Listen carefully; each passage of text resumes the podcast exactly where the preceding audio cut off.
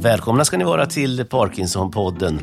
Och idag är jag på Skånes universitetssjukhus i Lund för omväxlings skull, tänker ni en del. Det blir ju ganska ofta numera.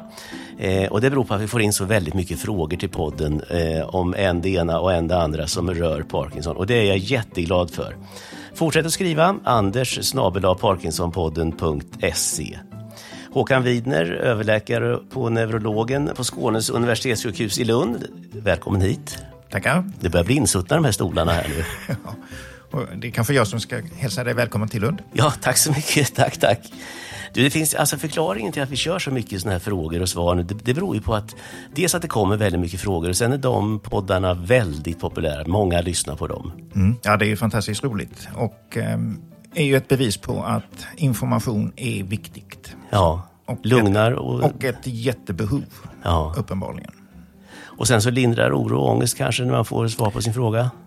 Ja, jag har alltid hävdat att ehm, eh, information om sjukdomen är en del i behandlingen. Ja. Man, man, måste eh, känna till mm. eh, hur sjukdomen kan yttra sig på olika sätt. Och om man känner till det så kan man hantera det på ett annat sätt. Man behöver inte, eh, det är inte att acceptera eller förstå eller... Veta man ska, om lite. Man ska känna till det. Ja. Det är det viktigaste. Det är också viktigt för eh, anhöriga att eh, känna igen vad, vad som är så att säga sjukdomsyttringar på olika sätt, att det kan förekomma. Bra, och då, det kommer andra avsnitt av podden också naturligtvis, så, så, är det. Och sen så kommer det hända saker framöver med detta med frågor och så vidare. Så häng med i Parkinson-podden för vi kommer ta nästa steg inom en inte alltför avlägsen framtid.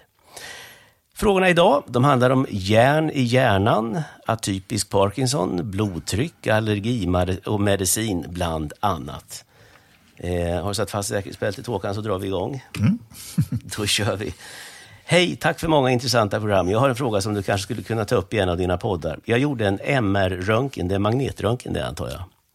Eh, och där kunde de se att jag har höga halter av järn i hjärnan. Min neurolog kunde inte riktigt förklara varför det är så, så han sa bara att det är vanligt bland Parkinson-patienter och han visste inte så mycket mer. Jag tänkte att det kanske är något som du kan forska vidare i tillsammans med dina experter på ämnet. Tack för mig. Okej. Okay. Och här ja. sitter du.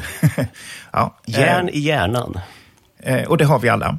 Mm. Eh, nu kan man säga så att en magnetkameraundersökning är just en magnet och är väldigt känslig för magnetiska ämnen. Och vi har eh, järn i blodet och vi har järn normalt sett i många nervceller. Och i vissa fall så ökar mängden järn som man då framförallt kan påvisa eh, med en magnetkameraundersökning.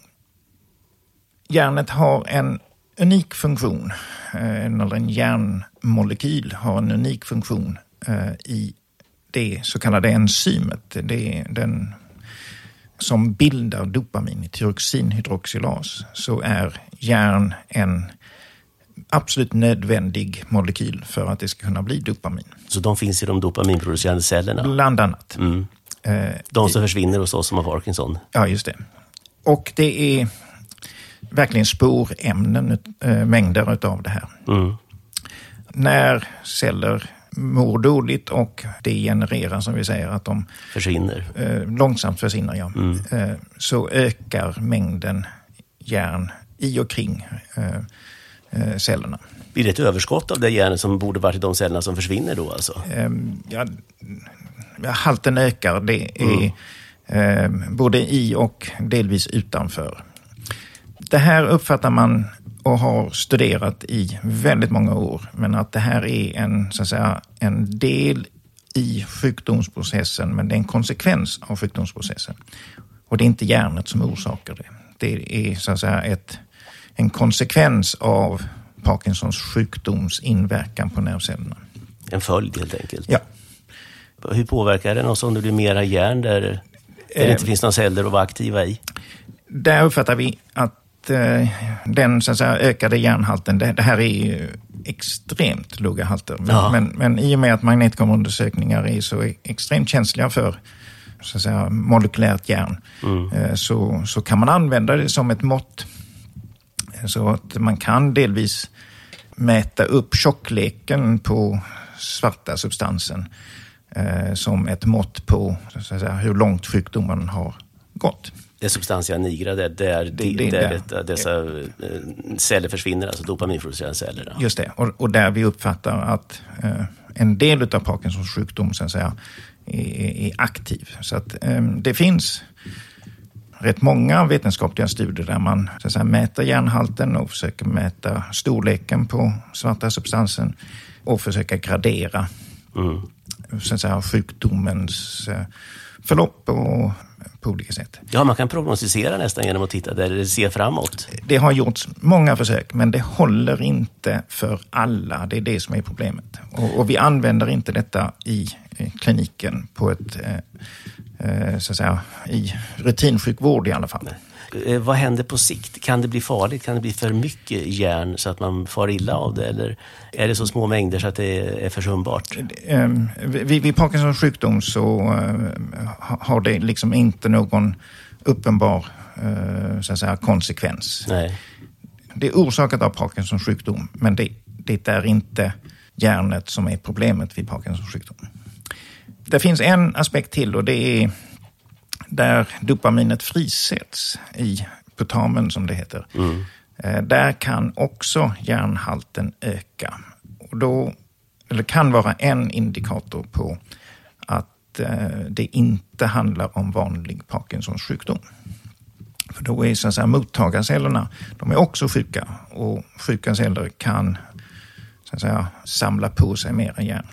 Mm. Så att beroende på var den här ökade järnhalten finns någonstans, eller vad, som man ser på magnetkameraundersökningen, så kan det handla om i första hand multipel systematrofi istället för Parkinsons sjukdom. Som är en av de fyra atop, eller atypiska, atypiska Parkinson. Ja, precis. Och det ska vi komma in på om en liten ja. stund sen. Så um, det är ehm, det, är väldigt tekniskt det här vad gäller mm. hjärn. Men, men hjärn är inte ett grundproblem vid Parkinsons sjukdom. Det är inget man kollar rutinmässigt? I, inte hjärnhalten i hjärnan, nej. nej. Det är svårt det med J-ä-r-n och H-J-ä-r-n. Ja. Sen är det ju så att eh, vi behöver järn framför allt för att bilda tillräckligt med röda blodkroppar. Mm. Eh, och är det hemoglobinet? Eller? Det är syrebärande mm. eh, ämnet i, i eh, de röda blodkropparna. Och, och, för att bilda tillräckligt med röda blodkroppar behöver vi järn. Och där är ju ett litet bekymmer. Om man har blodbrist så lågt blodtryck av, av det och det kommer vi till. Det kommer vi till sen också. Ja. Eh, men om man ska ge eh, järnersättning, eh, järntabletter helt enkelt, så är det ett problem. Järn i de tabletterna binder sig till L-dopa i Parkinsonmedicinerna. Får man ge det intravenöst eller någonting istället då, eller subkutant? Om man ska, behöver ge höga doser så behöver man ofta göra det eh, intravenöst.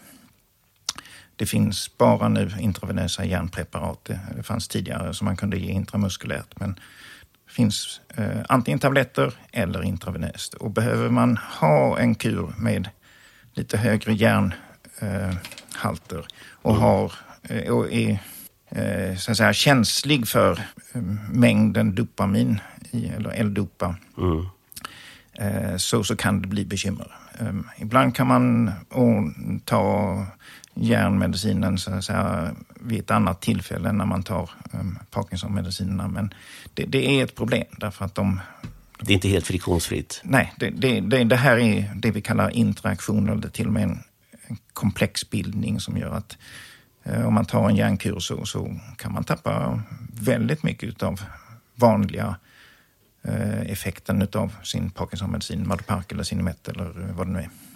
Och det ska vi också prata om sen. Mm. Fast då om, med antihistaminer eller allergimediciner. Nu pratar vi mycket. Intramuskulärt innebär att man sätter en spruta i muskeln. Eh, subkutant innebär att man sätter den i huden. In och eh, intravenöst är i en ven, oftast i armvecket eller på handryggen, eller hur? Precis. Ja. Jag lär mig. Ja. Vad bra, men då behöver man inte oroa sig för det här järnet i, eh, som de hade hittat på magnetröntgen? Eh, nej, vanligtvis inte någon eh, så att säga, eh, roll vid vanlig Parkinsons sjukdom. Det kan vara en indikator på att det är en, beroende på var så att säga, järnhalten har ökat någonstans, mm. att det kan vara en, en annan process. Det var det du pratade om, putamen, Ja, och det ja, kunde ja, bli precis. eh, atypiskt på- av någon variant där. Så, så indikerar att det är en annan sjukdom, ja. Mm.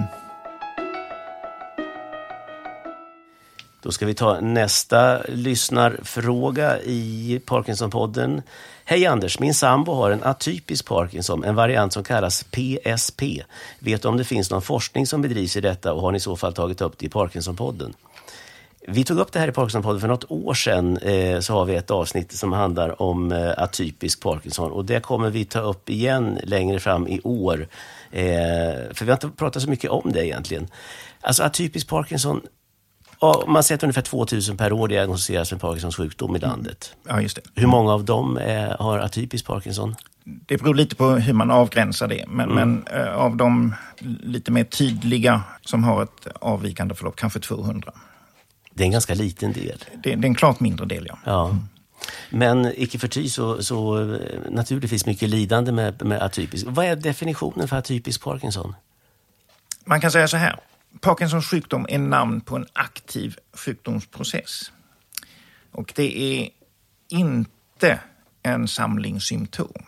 Eh, Det typiska eh, för Parkinsons sjukdom är stelhet, långsamma rörelser. 75 procent har skakningar. Och det allra typ, mest typiska är att det börjar på ena sidan. Om man tittar på alla patienter som har långsamma rörelser, stelhet och skakningar så är det kanske 60, max 70 procent som har Parkinsons sjukdom som är just då en aktiv sjukdomsprocess. De 30-40 procenten som har någonting annat är antingen läkemedelsframkallat, antidopaminläkemedel, vilket är väldigt vanligt. Man kan ha småkärlssjuka. Vanligast är att man har haft allt för högt blodtryck så man har fått små skador på blodkärlen just till området där dopamin fungerar. Det som kallas vaskulär Parkinson, eller? Ja, vanligen. Och eh, det är också vanligt. Det kan i och för sig förekomma vid vanlig Parkinson också. Det kan vara svårt att skilja upp vad som är vad där. Och sen har vi sjukdomar som är, involverar egentligen andra sjukdomsprocesser men som kan så att säga, likna Parkinson. Så om man bara tittar på en patient i princip eh, eh kort så ser det ut eh, som det skulle kunna vara Parkinson, men är det inte. Därför att det är en annan sjukdomsprocess. Eh, så om man tar vanlig Parkinsons sjukdom så är det relaterat till alfasynuklin. Och några av de här andra sjukdomarna Och det är ett felveckat protein det. Precis. Det är ett, ett eh, armeringsjärnet i dopaminnervceller som man kan säga rostar, oxiderar och fungerar sämre och ansamlas i vad vi kallar inklusionskroppar. Några av de här andra atypiska har helt normalt alfasynuklin. Men däremot så är ett annat ämne inne i nervcellerna som heter tau mm, fungerar sämre. Och leder till en sjukdomsbild som åtminstone under en period kan likna Parkinson. Eh, men är inte Parkinsons sjukdom. Vad händer sen? Går den över i något annat på, på något sätt? Eller? Symptommässigt? Ja, absolut. Och, och eh, det är ganska sällan att eh, om man tar just PSP som eh, står för progressiv supranukleär pares så har den ja, fyra, fem olika mönster. Och en liten andel kan likna Parkinson. Men i de flesta fall så är det så stora skillnader att man misstar inte den för, för Parkinson. Och den PSP orsakas av ansamlingar utav tau. Ja, just det. Ja, du pratade det här I när- nervcellerna, ja. Ja, just det, precis. Och den har en kusin kan man säga som heter CBD, kortikobasal degeneration. Och där kan det vara väldigt svårt att skilja PSP från CBD. Men vanligtvis är det inte ett eh, riktigt Parkinson-likt tillstånd. Utom möjligen en fas. Eh, så att eh, om, ganska tidigt i, i sjukdomsförloppet. Hur är det om forskningen som bedrivs om PSP? Eller är det, de specifika, de här eh, fyra, eller är det en gemensam forskning för alla fyra? Eller hur funkar det? N- när det gäller eh, tausjukdomarna PSP och CBD så har det de senaste tre, fyra, fem åren varit väldigt mycket aktivitet. Tyvärr har det varit eh, bakslag. Eh, man har bland annat eh, haft sådana här monoklonala antikroppar som det nu har talats mycket om vid Alzheimer.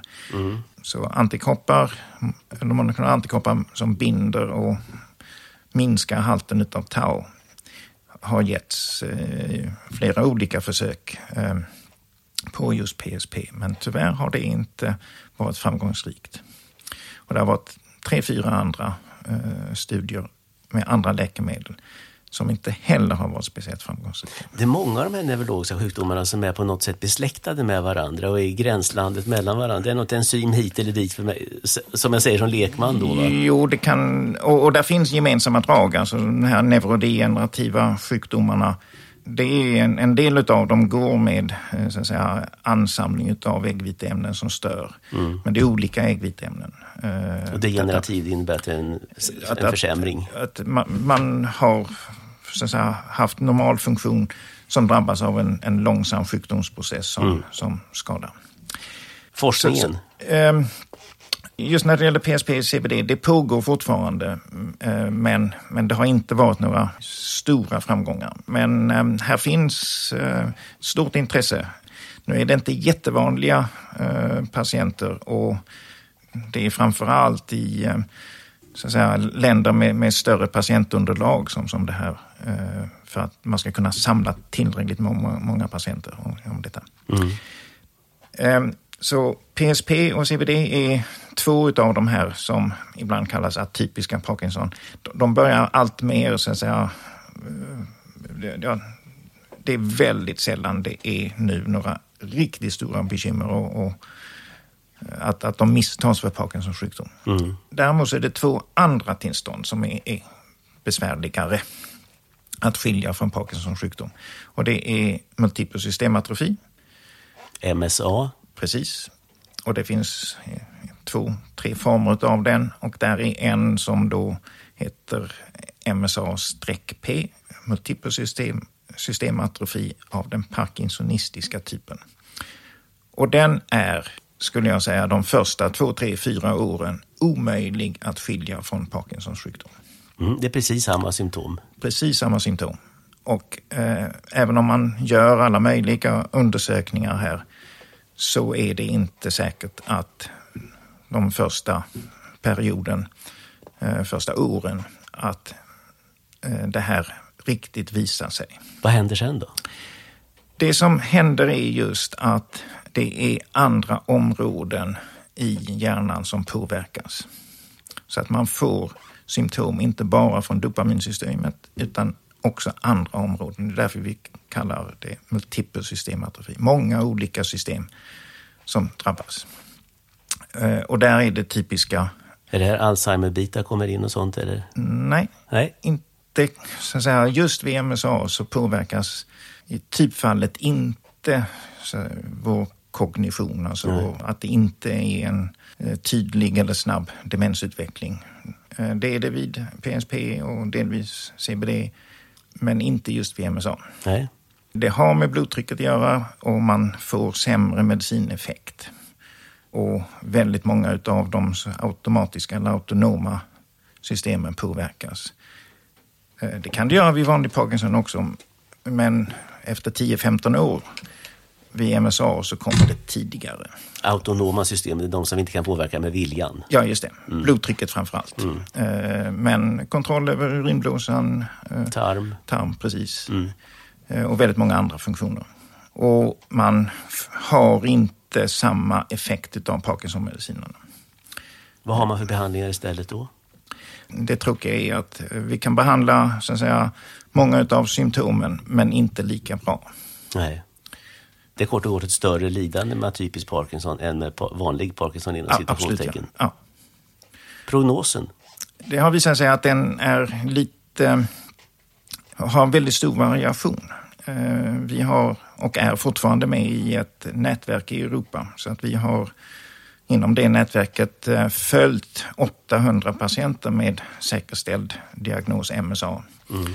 Och om man tittar i litteraturen innan det här nätverksarbetet som nu har löpt i eh, snart 20 år. Mm.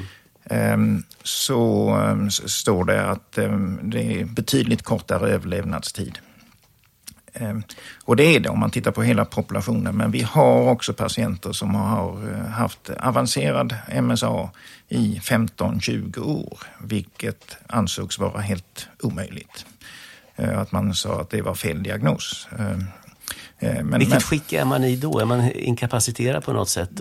Alltså med, det kan man vara. Mm. Ja. Men, men det, även där är det en variation. Mm. Det största bekymret är om man har ett helt oreglerat blodtryck. Så när man ligger ner så har man tillräckligt med blodtryck för att få blod till hjärnan. Men om man sitter upp eller står upp så rasar det ner. Ja, och då har man alldeles för lite eh, blodtryck eh, och fungerar inte. Man kan helt enkelt inte vara uppe. Om man inte kan så säga, behandla upp blodtrycket i sådant läge så blir man i princip, ja, åtminstone halvliggande. Så det kan vara ett enormt eh, handikapp. Mm. Mm. Det kan påverka väldigt många andra funktioner också. Så att eh, det, det, är allt från att man inte har någon kontroll över urinblåsan, måste ha en, en sån här kateter, urinkateter. Mm. Eh, och eh, det kan påverka eh, talet och man kan få stämbandspareser. Ja, det låter som det stängs ner sakta men säkert nästan. på. Ja, det är inte riktigt förutsägbart men, men det ger ett, ett väldigt stort eh, både hjälpbehov och, och ett verkligt stort handikapp.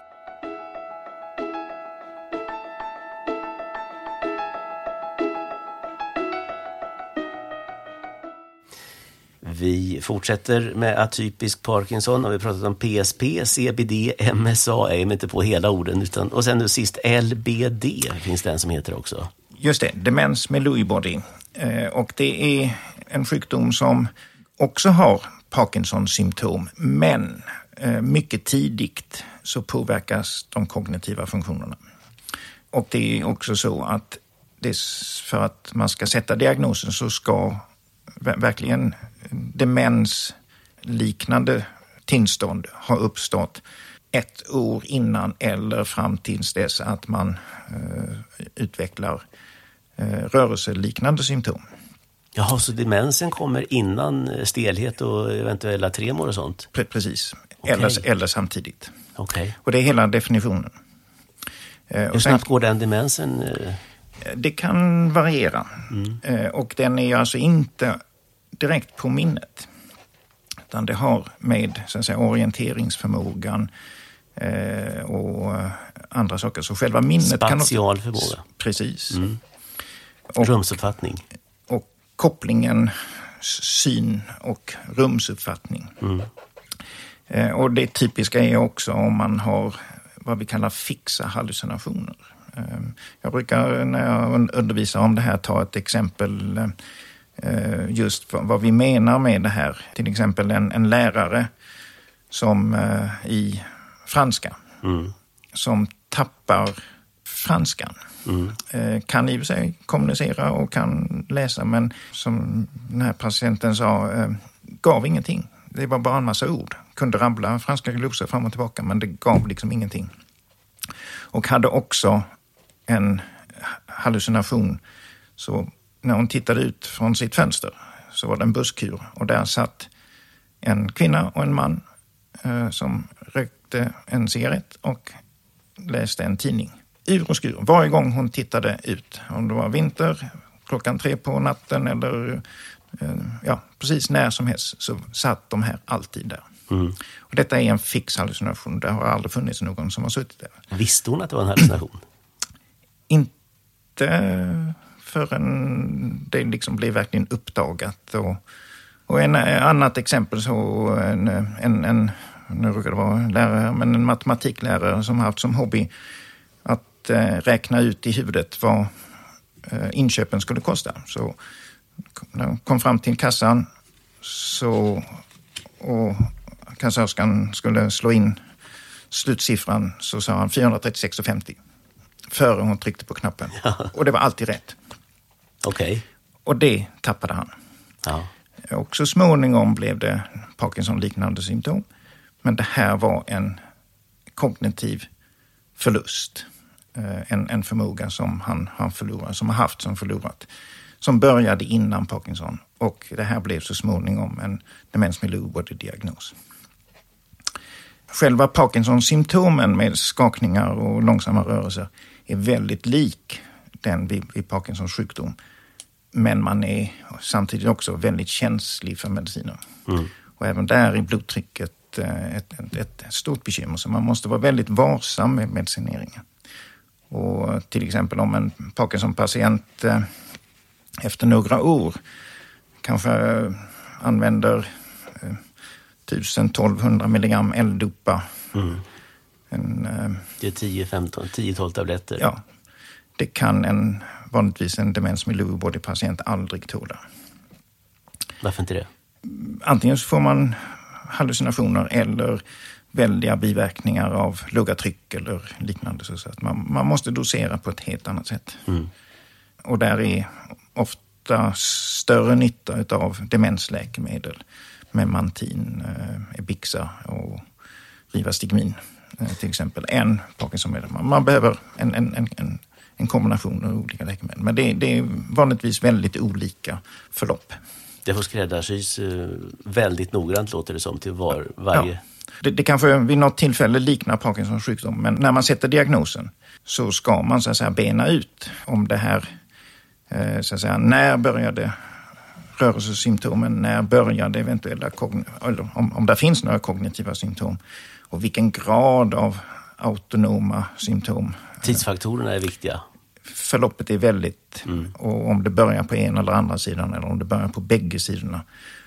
Och man kan säga så, när det följer det typiska mönstret så då, då är det liksom typiskt Parkinson.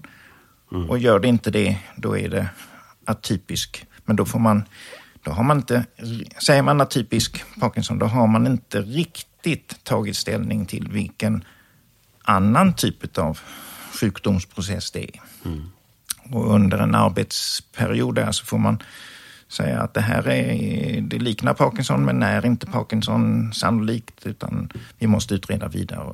Och, ibland tar det helt enkelt tid innan man kan sätta diagnosen. Och det finns några fall där det kan ta väldigt lång tid. Mm. Typ. Ja, jag kan säga vi har haft en, en patient där eh, som vi har följt tillsammans med i ett for- forskningssammanhang här där vi var sju neurologer och några av Englands mest välrenommerade neurologer. De hade två olika åsikter eh, och vi svenskar här hade två olika åsikter. Eh, Och eh, väldigt väl undersökt. Så småningom avled patienten och vi hade alla sagt att eh, här är någonting ovanligt med den här. Eh, Det, det kan inte vara en vanlig Parkinson i alla fall. Det var vi alla överens om.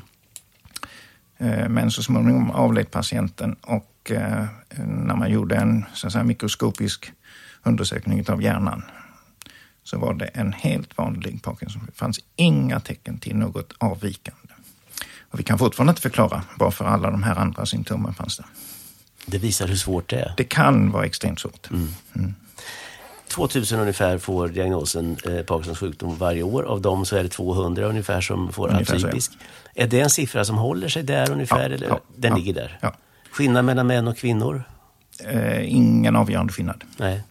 Det, det är ju separata sjukdomar. Det, det är inte att man råkar ha Parkinsons sjukdom och den går över i någonting annat. eh, Utan de, de, symptomen råkar likna varandra. Eh, Och, och, och poängen är att man kan inte sätta diagnosen bara på några enstaka symptom. Man måste ha ett tidsförlopp.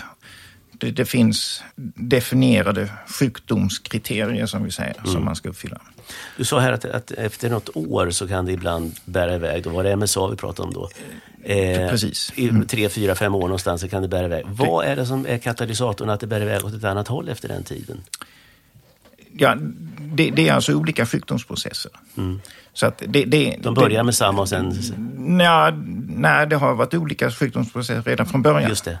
Fast med samma symptom? Sen kan symptomen vara, vara väldigt lika, ja. Mm. Och, och så att säga överlappande. Och, och det kan tyckas märkligt, men, men eh, inom så att säga, klinisk neurologi så har vi ungefär 20 symptom. Eh, vi kallar det ataxi, eh, muskelstelhet, eh, skakningar och så vidare. Men det kan bli minst 3000 olika diagnoser.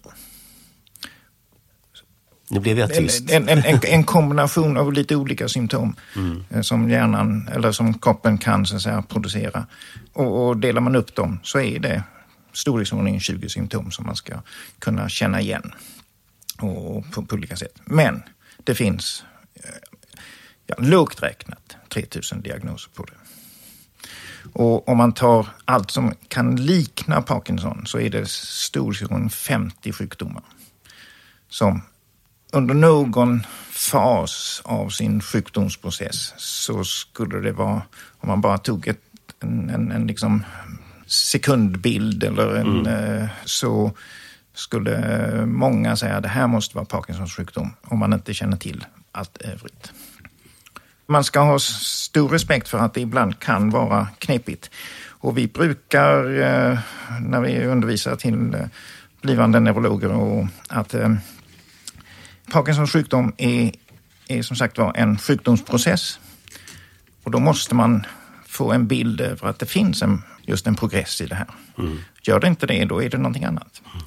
Eh, och att eh, man ska vara, eh, så att säga, förvarna om att det här är någonting som så att säga, inte går att helt rista i sten i alla lägen. Utan att man Det finns inga markörer eller någonting sånt som syns. inte som riktigt håller i alla lägen från allra första de, de, de utvecklas med tiden.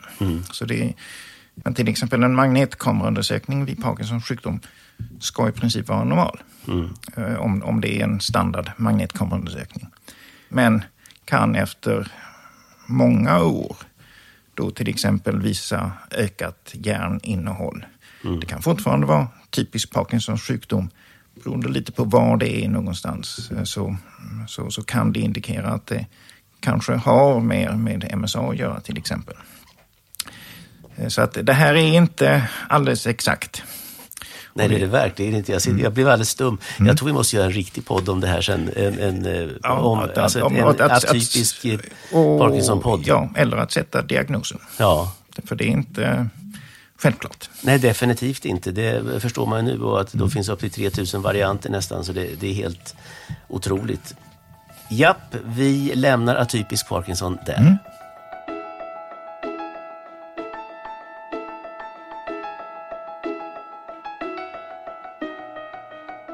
Då ska vi som det heter eh, byta ämne. Eh, vi ska prata om allergimedicin. Eh, Allergimedicin, alltså antihistaminer, kan det påverka effekten av levodopa, det vill säga L-dopa-tabletter som eh, Parkinson-drabbade äter? Ja, det ska det inte göra vad jag kan se. Och det är inte några kända biverkningar. Överlag de eh, antihistaminläkemedel som, som finns är ju extremt snälla. Mm. De, Till allergimedicin, Ja, alltså. det, precis. Ja. Det, det är väldigt få allvarliga biverkningar av det. Och det, det finns ingen anledning att, så att säga, misstänka att eh, det påverkar Parkinsons sjukdom på något speciellt sätt.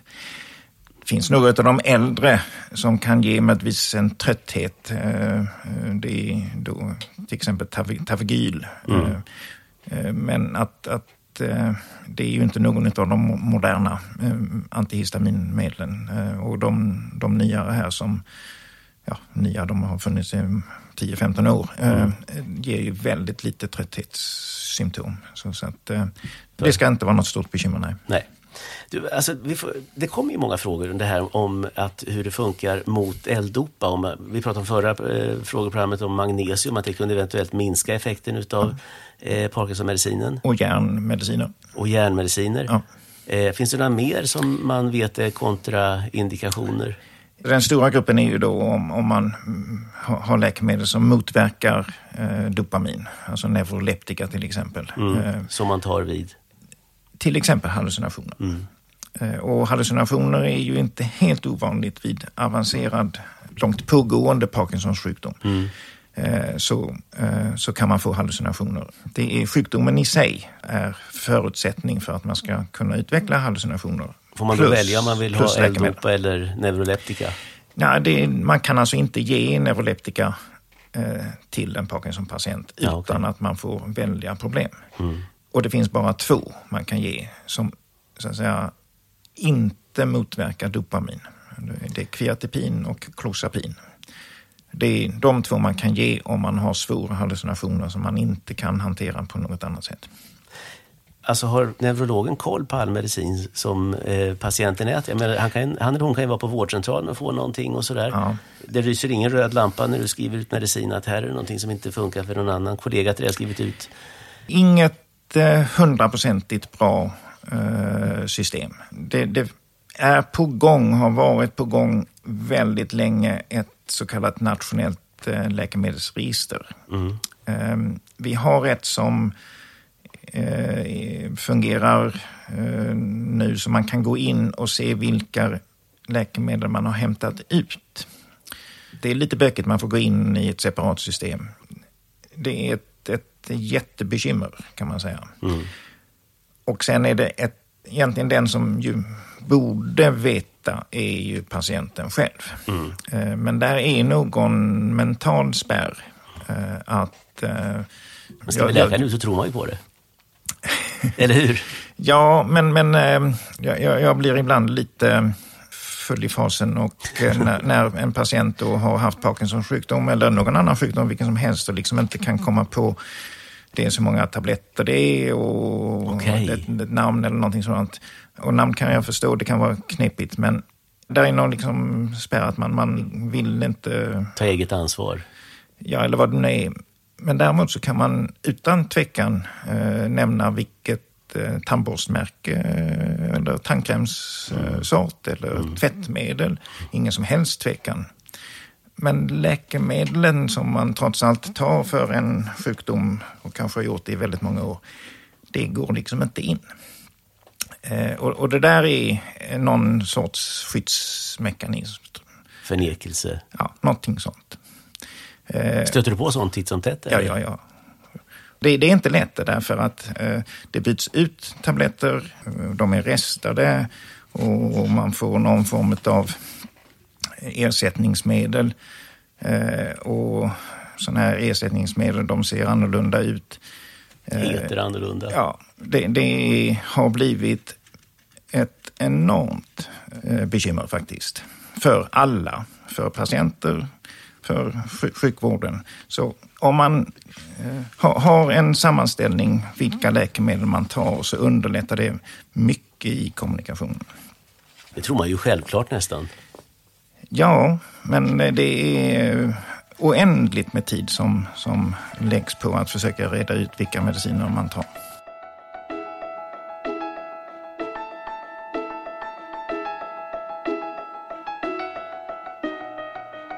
Så var det med det ja. Då gäller det att ni har koll på vilka mediciner ni har när ni går till er neurolog nästa gång så ni känner igen vilka ni tar och hur många och allt det här. En fråga till ifrån samma eh, lyssnare. Eh, ingen fara alltså med allergimedicin och, och elddopa? Det ska det inte vara, nej. nej. nej. Jag vet att många, inklusive mig själv, har ett fluktuerande blodtryck. Mitt blodtryck kan vara normalt på morgonen men efter intag av mat så kan blodtrycket sjunka till 75 genom 50 för att sen igen bli lite högre än normalt, 140 genom 90 och sen mera normalt, 120 genom 70 utöver eftermiddagen. Tycker du att det är passligt att börja med blodtryckshöjande medicin? Jag äter Rasegelin plus Sinemet.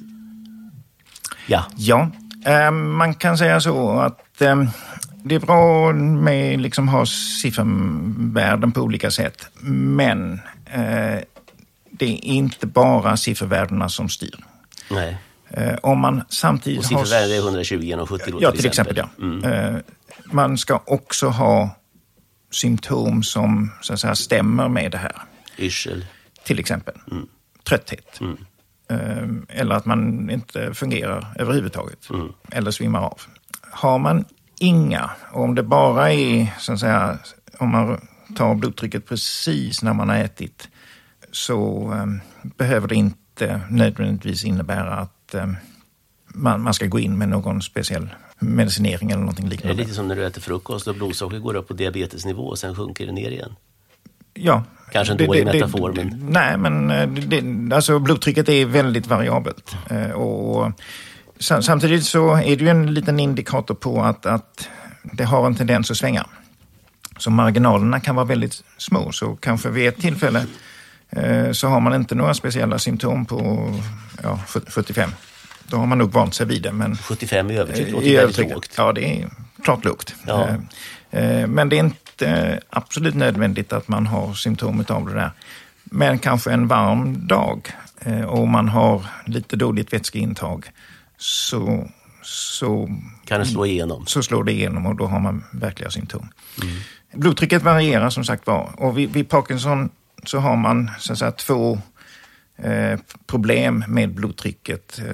Eh, ofta kommer det efter några år. Eh, och det är när man reser sig upp och då ska hjärtat slå ungefär 10 extra slag för att eh, vätskan rinner helt enkelt ner. Och sen drar blodkärlen i buken och låren ihop sig. Och de reflexerna går lite långsammare. Så man kan få det vi kallar ortostatiskt tryck. Det är blodtryck som sjunker när man ja, reser sig upp. Och det kan eh, gå mer eller mindre snabbt att man märker av det där. Eller just att de här kompensationerna inte slår an. Och det är då man behöver så att säga, lägga till någon form av behandling. Och det viktigaste där är att man har tillräckligt med vätska och salter. Så det första vi föreslår det är att man ser över sin vätskebalans. Eh, Och har man lite svajigt blodtryck så ska man dels veta blodmängden. Och är den normal, då eh, ska man se till att man har tillräcklig vätskeintag. Det är natrium-kaliumbalansen eller? Just det, och, och vattnet. Och vattnet, ja. Vi är alla extremt dåliga på vätskebalansen Dricker för lite vatten och salter. Och salter. Så ofta lägger vi till eh, vätskeersättning, eh, Resorb till exempel. Hur mycket Sen- vatten dricker du varje dag? Ja, Det står några hinkar här ser jag. ja eh, vi, vi dricker alla för lite. Ja. Jag brukar ta ett exempel här hur Carolina Klüft, när hon tävlade i Osaka för många år sedan, sjukamp. Det var extremt varmt, 40 grader, och extremt hög luftfuktighet. De tävlingstimmarna, en 6-8 timmar varje dag under sjukampen, så drack hon varje dag 12 liter sportdrycker.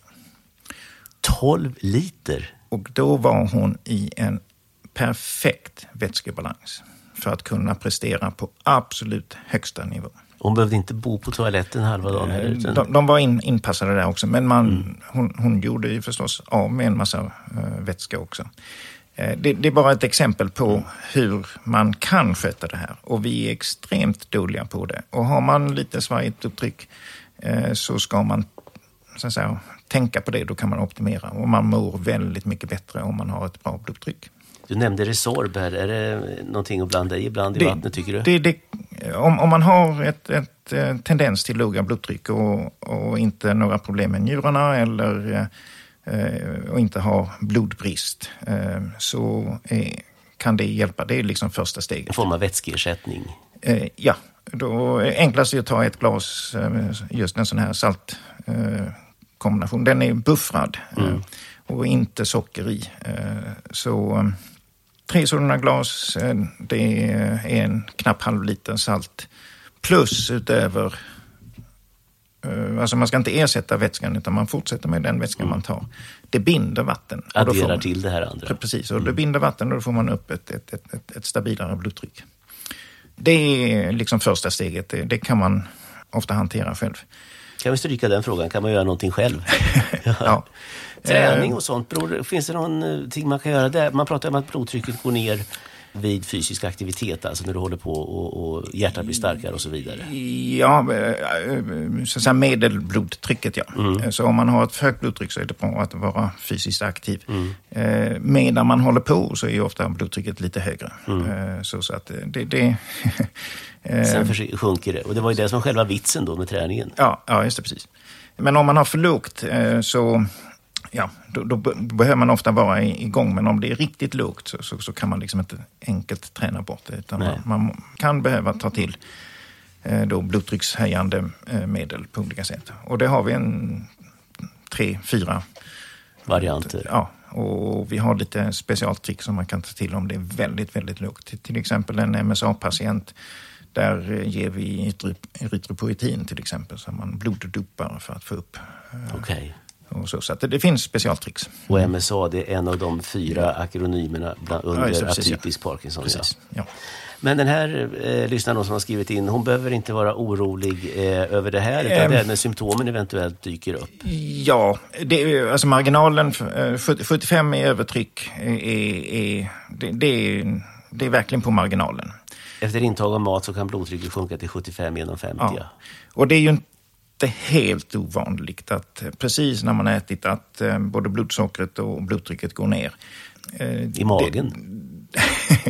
Eh, men det, det, behöver inte nödvändigtvis betyda att man måste medicinera det där. Det är ju oftast beroende lite på vad man har ätit. Det, det är ju det här dumpingfenomenet och, och till exempel om man har opererat magsäcken med bypass, mm. Eh, gastric bypass eller en sån här sleeve så är det här ett, ett, ett dumpingfenomen som vi kallar det. Eh, som, som eh, då, då, ja, det, det, kan vara besvärligt men, men det är inte nödvändigtvis ett, ett, ett lågt blodtryck som måste behandlas. Däremot om det... ska vi säga vad det är för någonting också. Det, det är när man snör av en stor del av mat, magsäcken ja. så att man inte kan äta så mycket och används ofta som en behandlingsmetod vid kraftig övervikt. Precis. Typ? Absolut. Mm. Du ler. Hade jag varit fel? Eh, du är en väldigt god uppslagsbok. ja, eller hur? Eller hur? Eh, så var det med det. Ja. Eh, ja, men då så. Då lämnar vi den frågan också.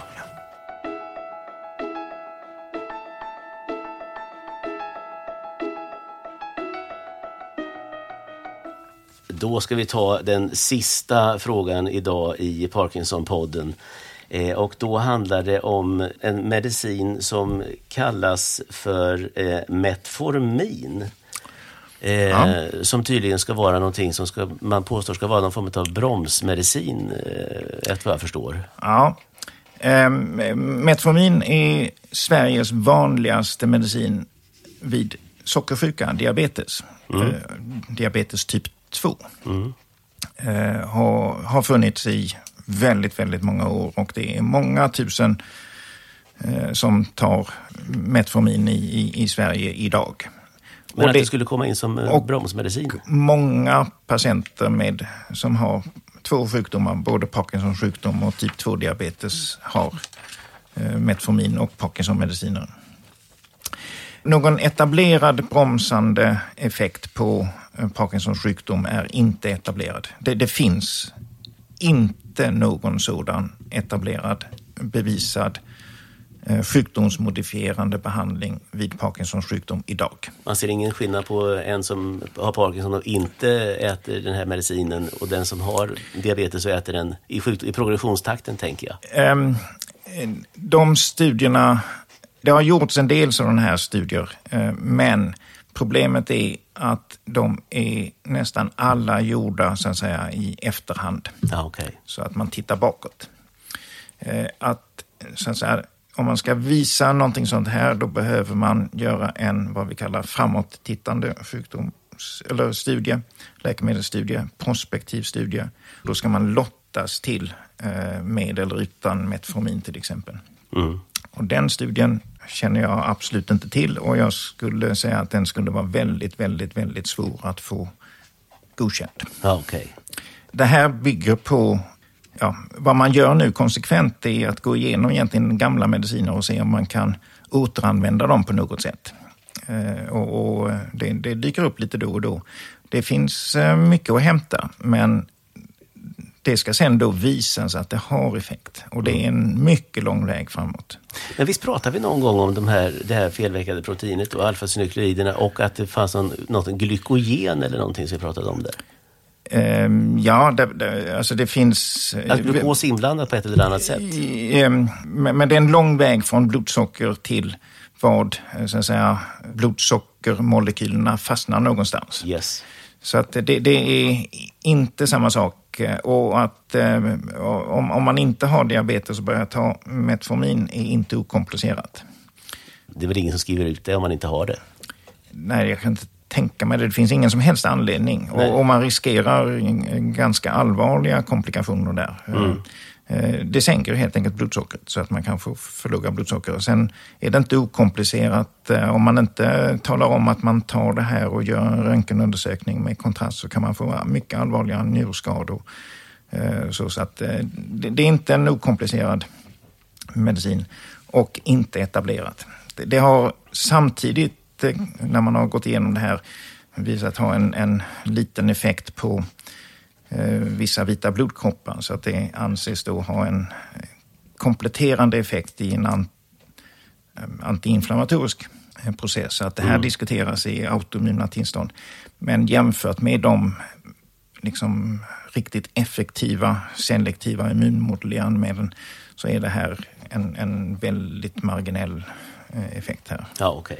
Så, så att, Då avskriver vi den så länge. Ingenting och att, att, att den skulle ha eh, någon så att säga, avgörande roll i att försöka bromsa Parkinsons sjukdom. Eh, den, den, effekten är inte stor. Det, det, det, kan man säga av bara det att vi har så många patienter med Parkinsons sjukdom som har Metformin mm. redan.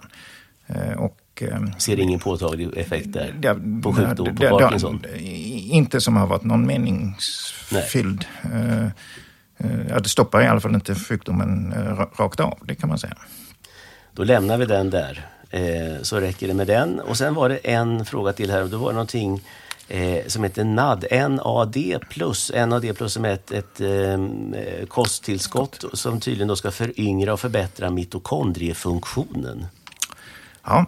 Um, och mitokondrierna finns i våra celler, i varje det, cell? Det är våra eh, energiproducenter. Vi har mm. många mitokondrier i eh, muskelceller. Egentligen, det finns i alla celler det, det är eh, den så att säga, kemiska energin som bildas där.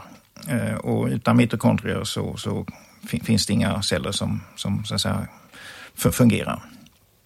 Och eh, NAD plus är ett ämne i ämnesomsättningen av så att säga, den kemiska energin som, som celler använder sig av.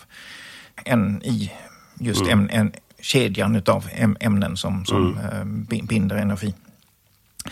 Det här är ett kosttillskott och det finns så säga, lagar och regler hur, hur, det får säljas. Det är livsmedelslagen som, som styr detta. Det är samma som att gå och köpa en limpa? Man får inte göra några eh, så att säga, utfästelser om detta botar en sjukdom eller har någon speciell effekt på eh, säg en, en sjukdom som Parkinsons sjukdom.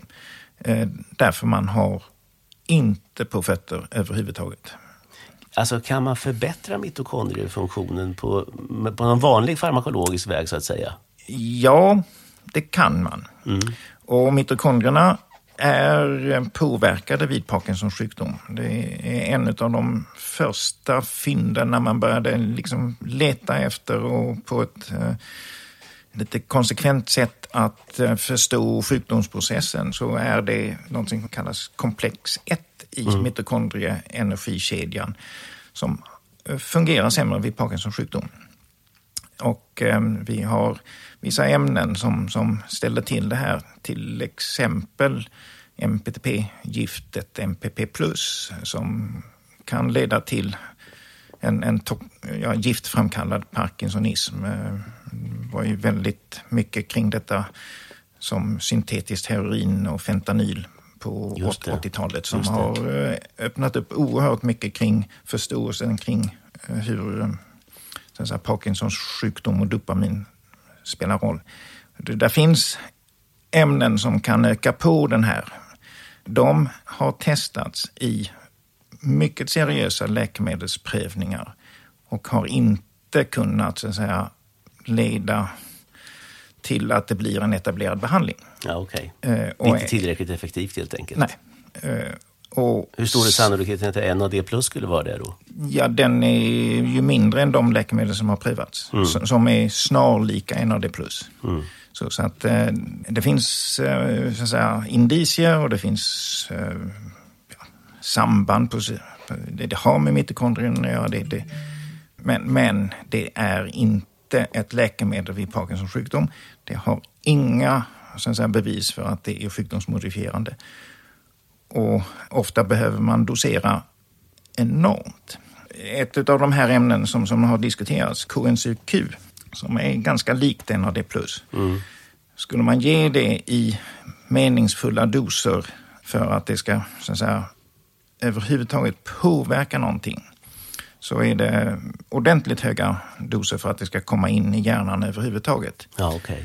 Och årskostnaden räknade jag för ungefär tio år sedan var eh, kring 40 000 för att köpa det som hälsokostpreparat. Ja, okay. Och de pengarna kan man göra något roligare för. Och det är samma med NAD+, skulle jag säga. Och jag förmodar att de där mängderna är så stora så att man får inte i sig dem. Nej, det är väldigt många mm. kap kapslar av KMCQ. Jag kommer inte ihåg på rak arm hur många det är, men, men det var många. Jag tror det var minst 16 och de var stora kapslar också. Och till ingen nytta när man verkligen gjorde ett försök att be bevisa om det hade effekt eller ej. Mm. NAD har aldrig prövats på det här sättet. Så att, ehm, och är inte någonting som något läkemedelsbolag skulle ta upp för att det, det, det här är inte, det är inte mödan värt. Skulle det funka skulle de kastas över dem såklart. Läkemedel som så att säga har en effekt har ju vaskats fram mm. och, och, verkligen eh, har en bevisad effekt. Vetenskapligt beprövat. Ja, och, och sannolikheten att eh, en eh, tillverkare av ett eh, naturmedel eh, eller ett naturläkemedel ska kunna plocka fram det här eh, om man inte redan har så säga, studerat det, den är låg. Mm. Men man kan försöka sälja så gott det går. Jättebra. Tack så mycket Håkan Widner, överläkare på Skånes universitetssjukhus i Lund. Eh, nu har vi gjort ett program till. Ja. Det kommer flera, jag lovar. Och fortsätt att skriva. Anders parkinsonpodden.se Anders parkinsonpodden.se Och det här avsnittet av Parkinsonpodden har möjliggjorts med stöd från Transkutan AB. Transkutan AB har ingen påverkan på programval eller innehåll. Tack så mycket för idag hörni och vi hörs snart igen och vill ni gå in och lyssna på alla poddar som finns så är det 60 stycken just nu och de finns på parkinsonpodden.se eller där poddar finns jag brukar säga. Jag heter Anders Stålhammar och Inge Amundsen är det som fixar till ljud och redigerar. Tack så mycket för idag, ha det bra, vi hörs, hej då.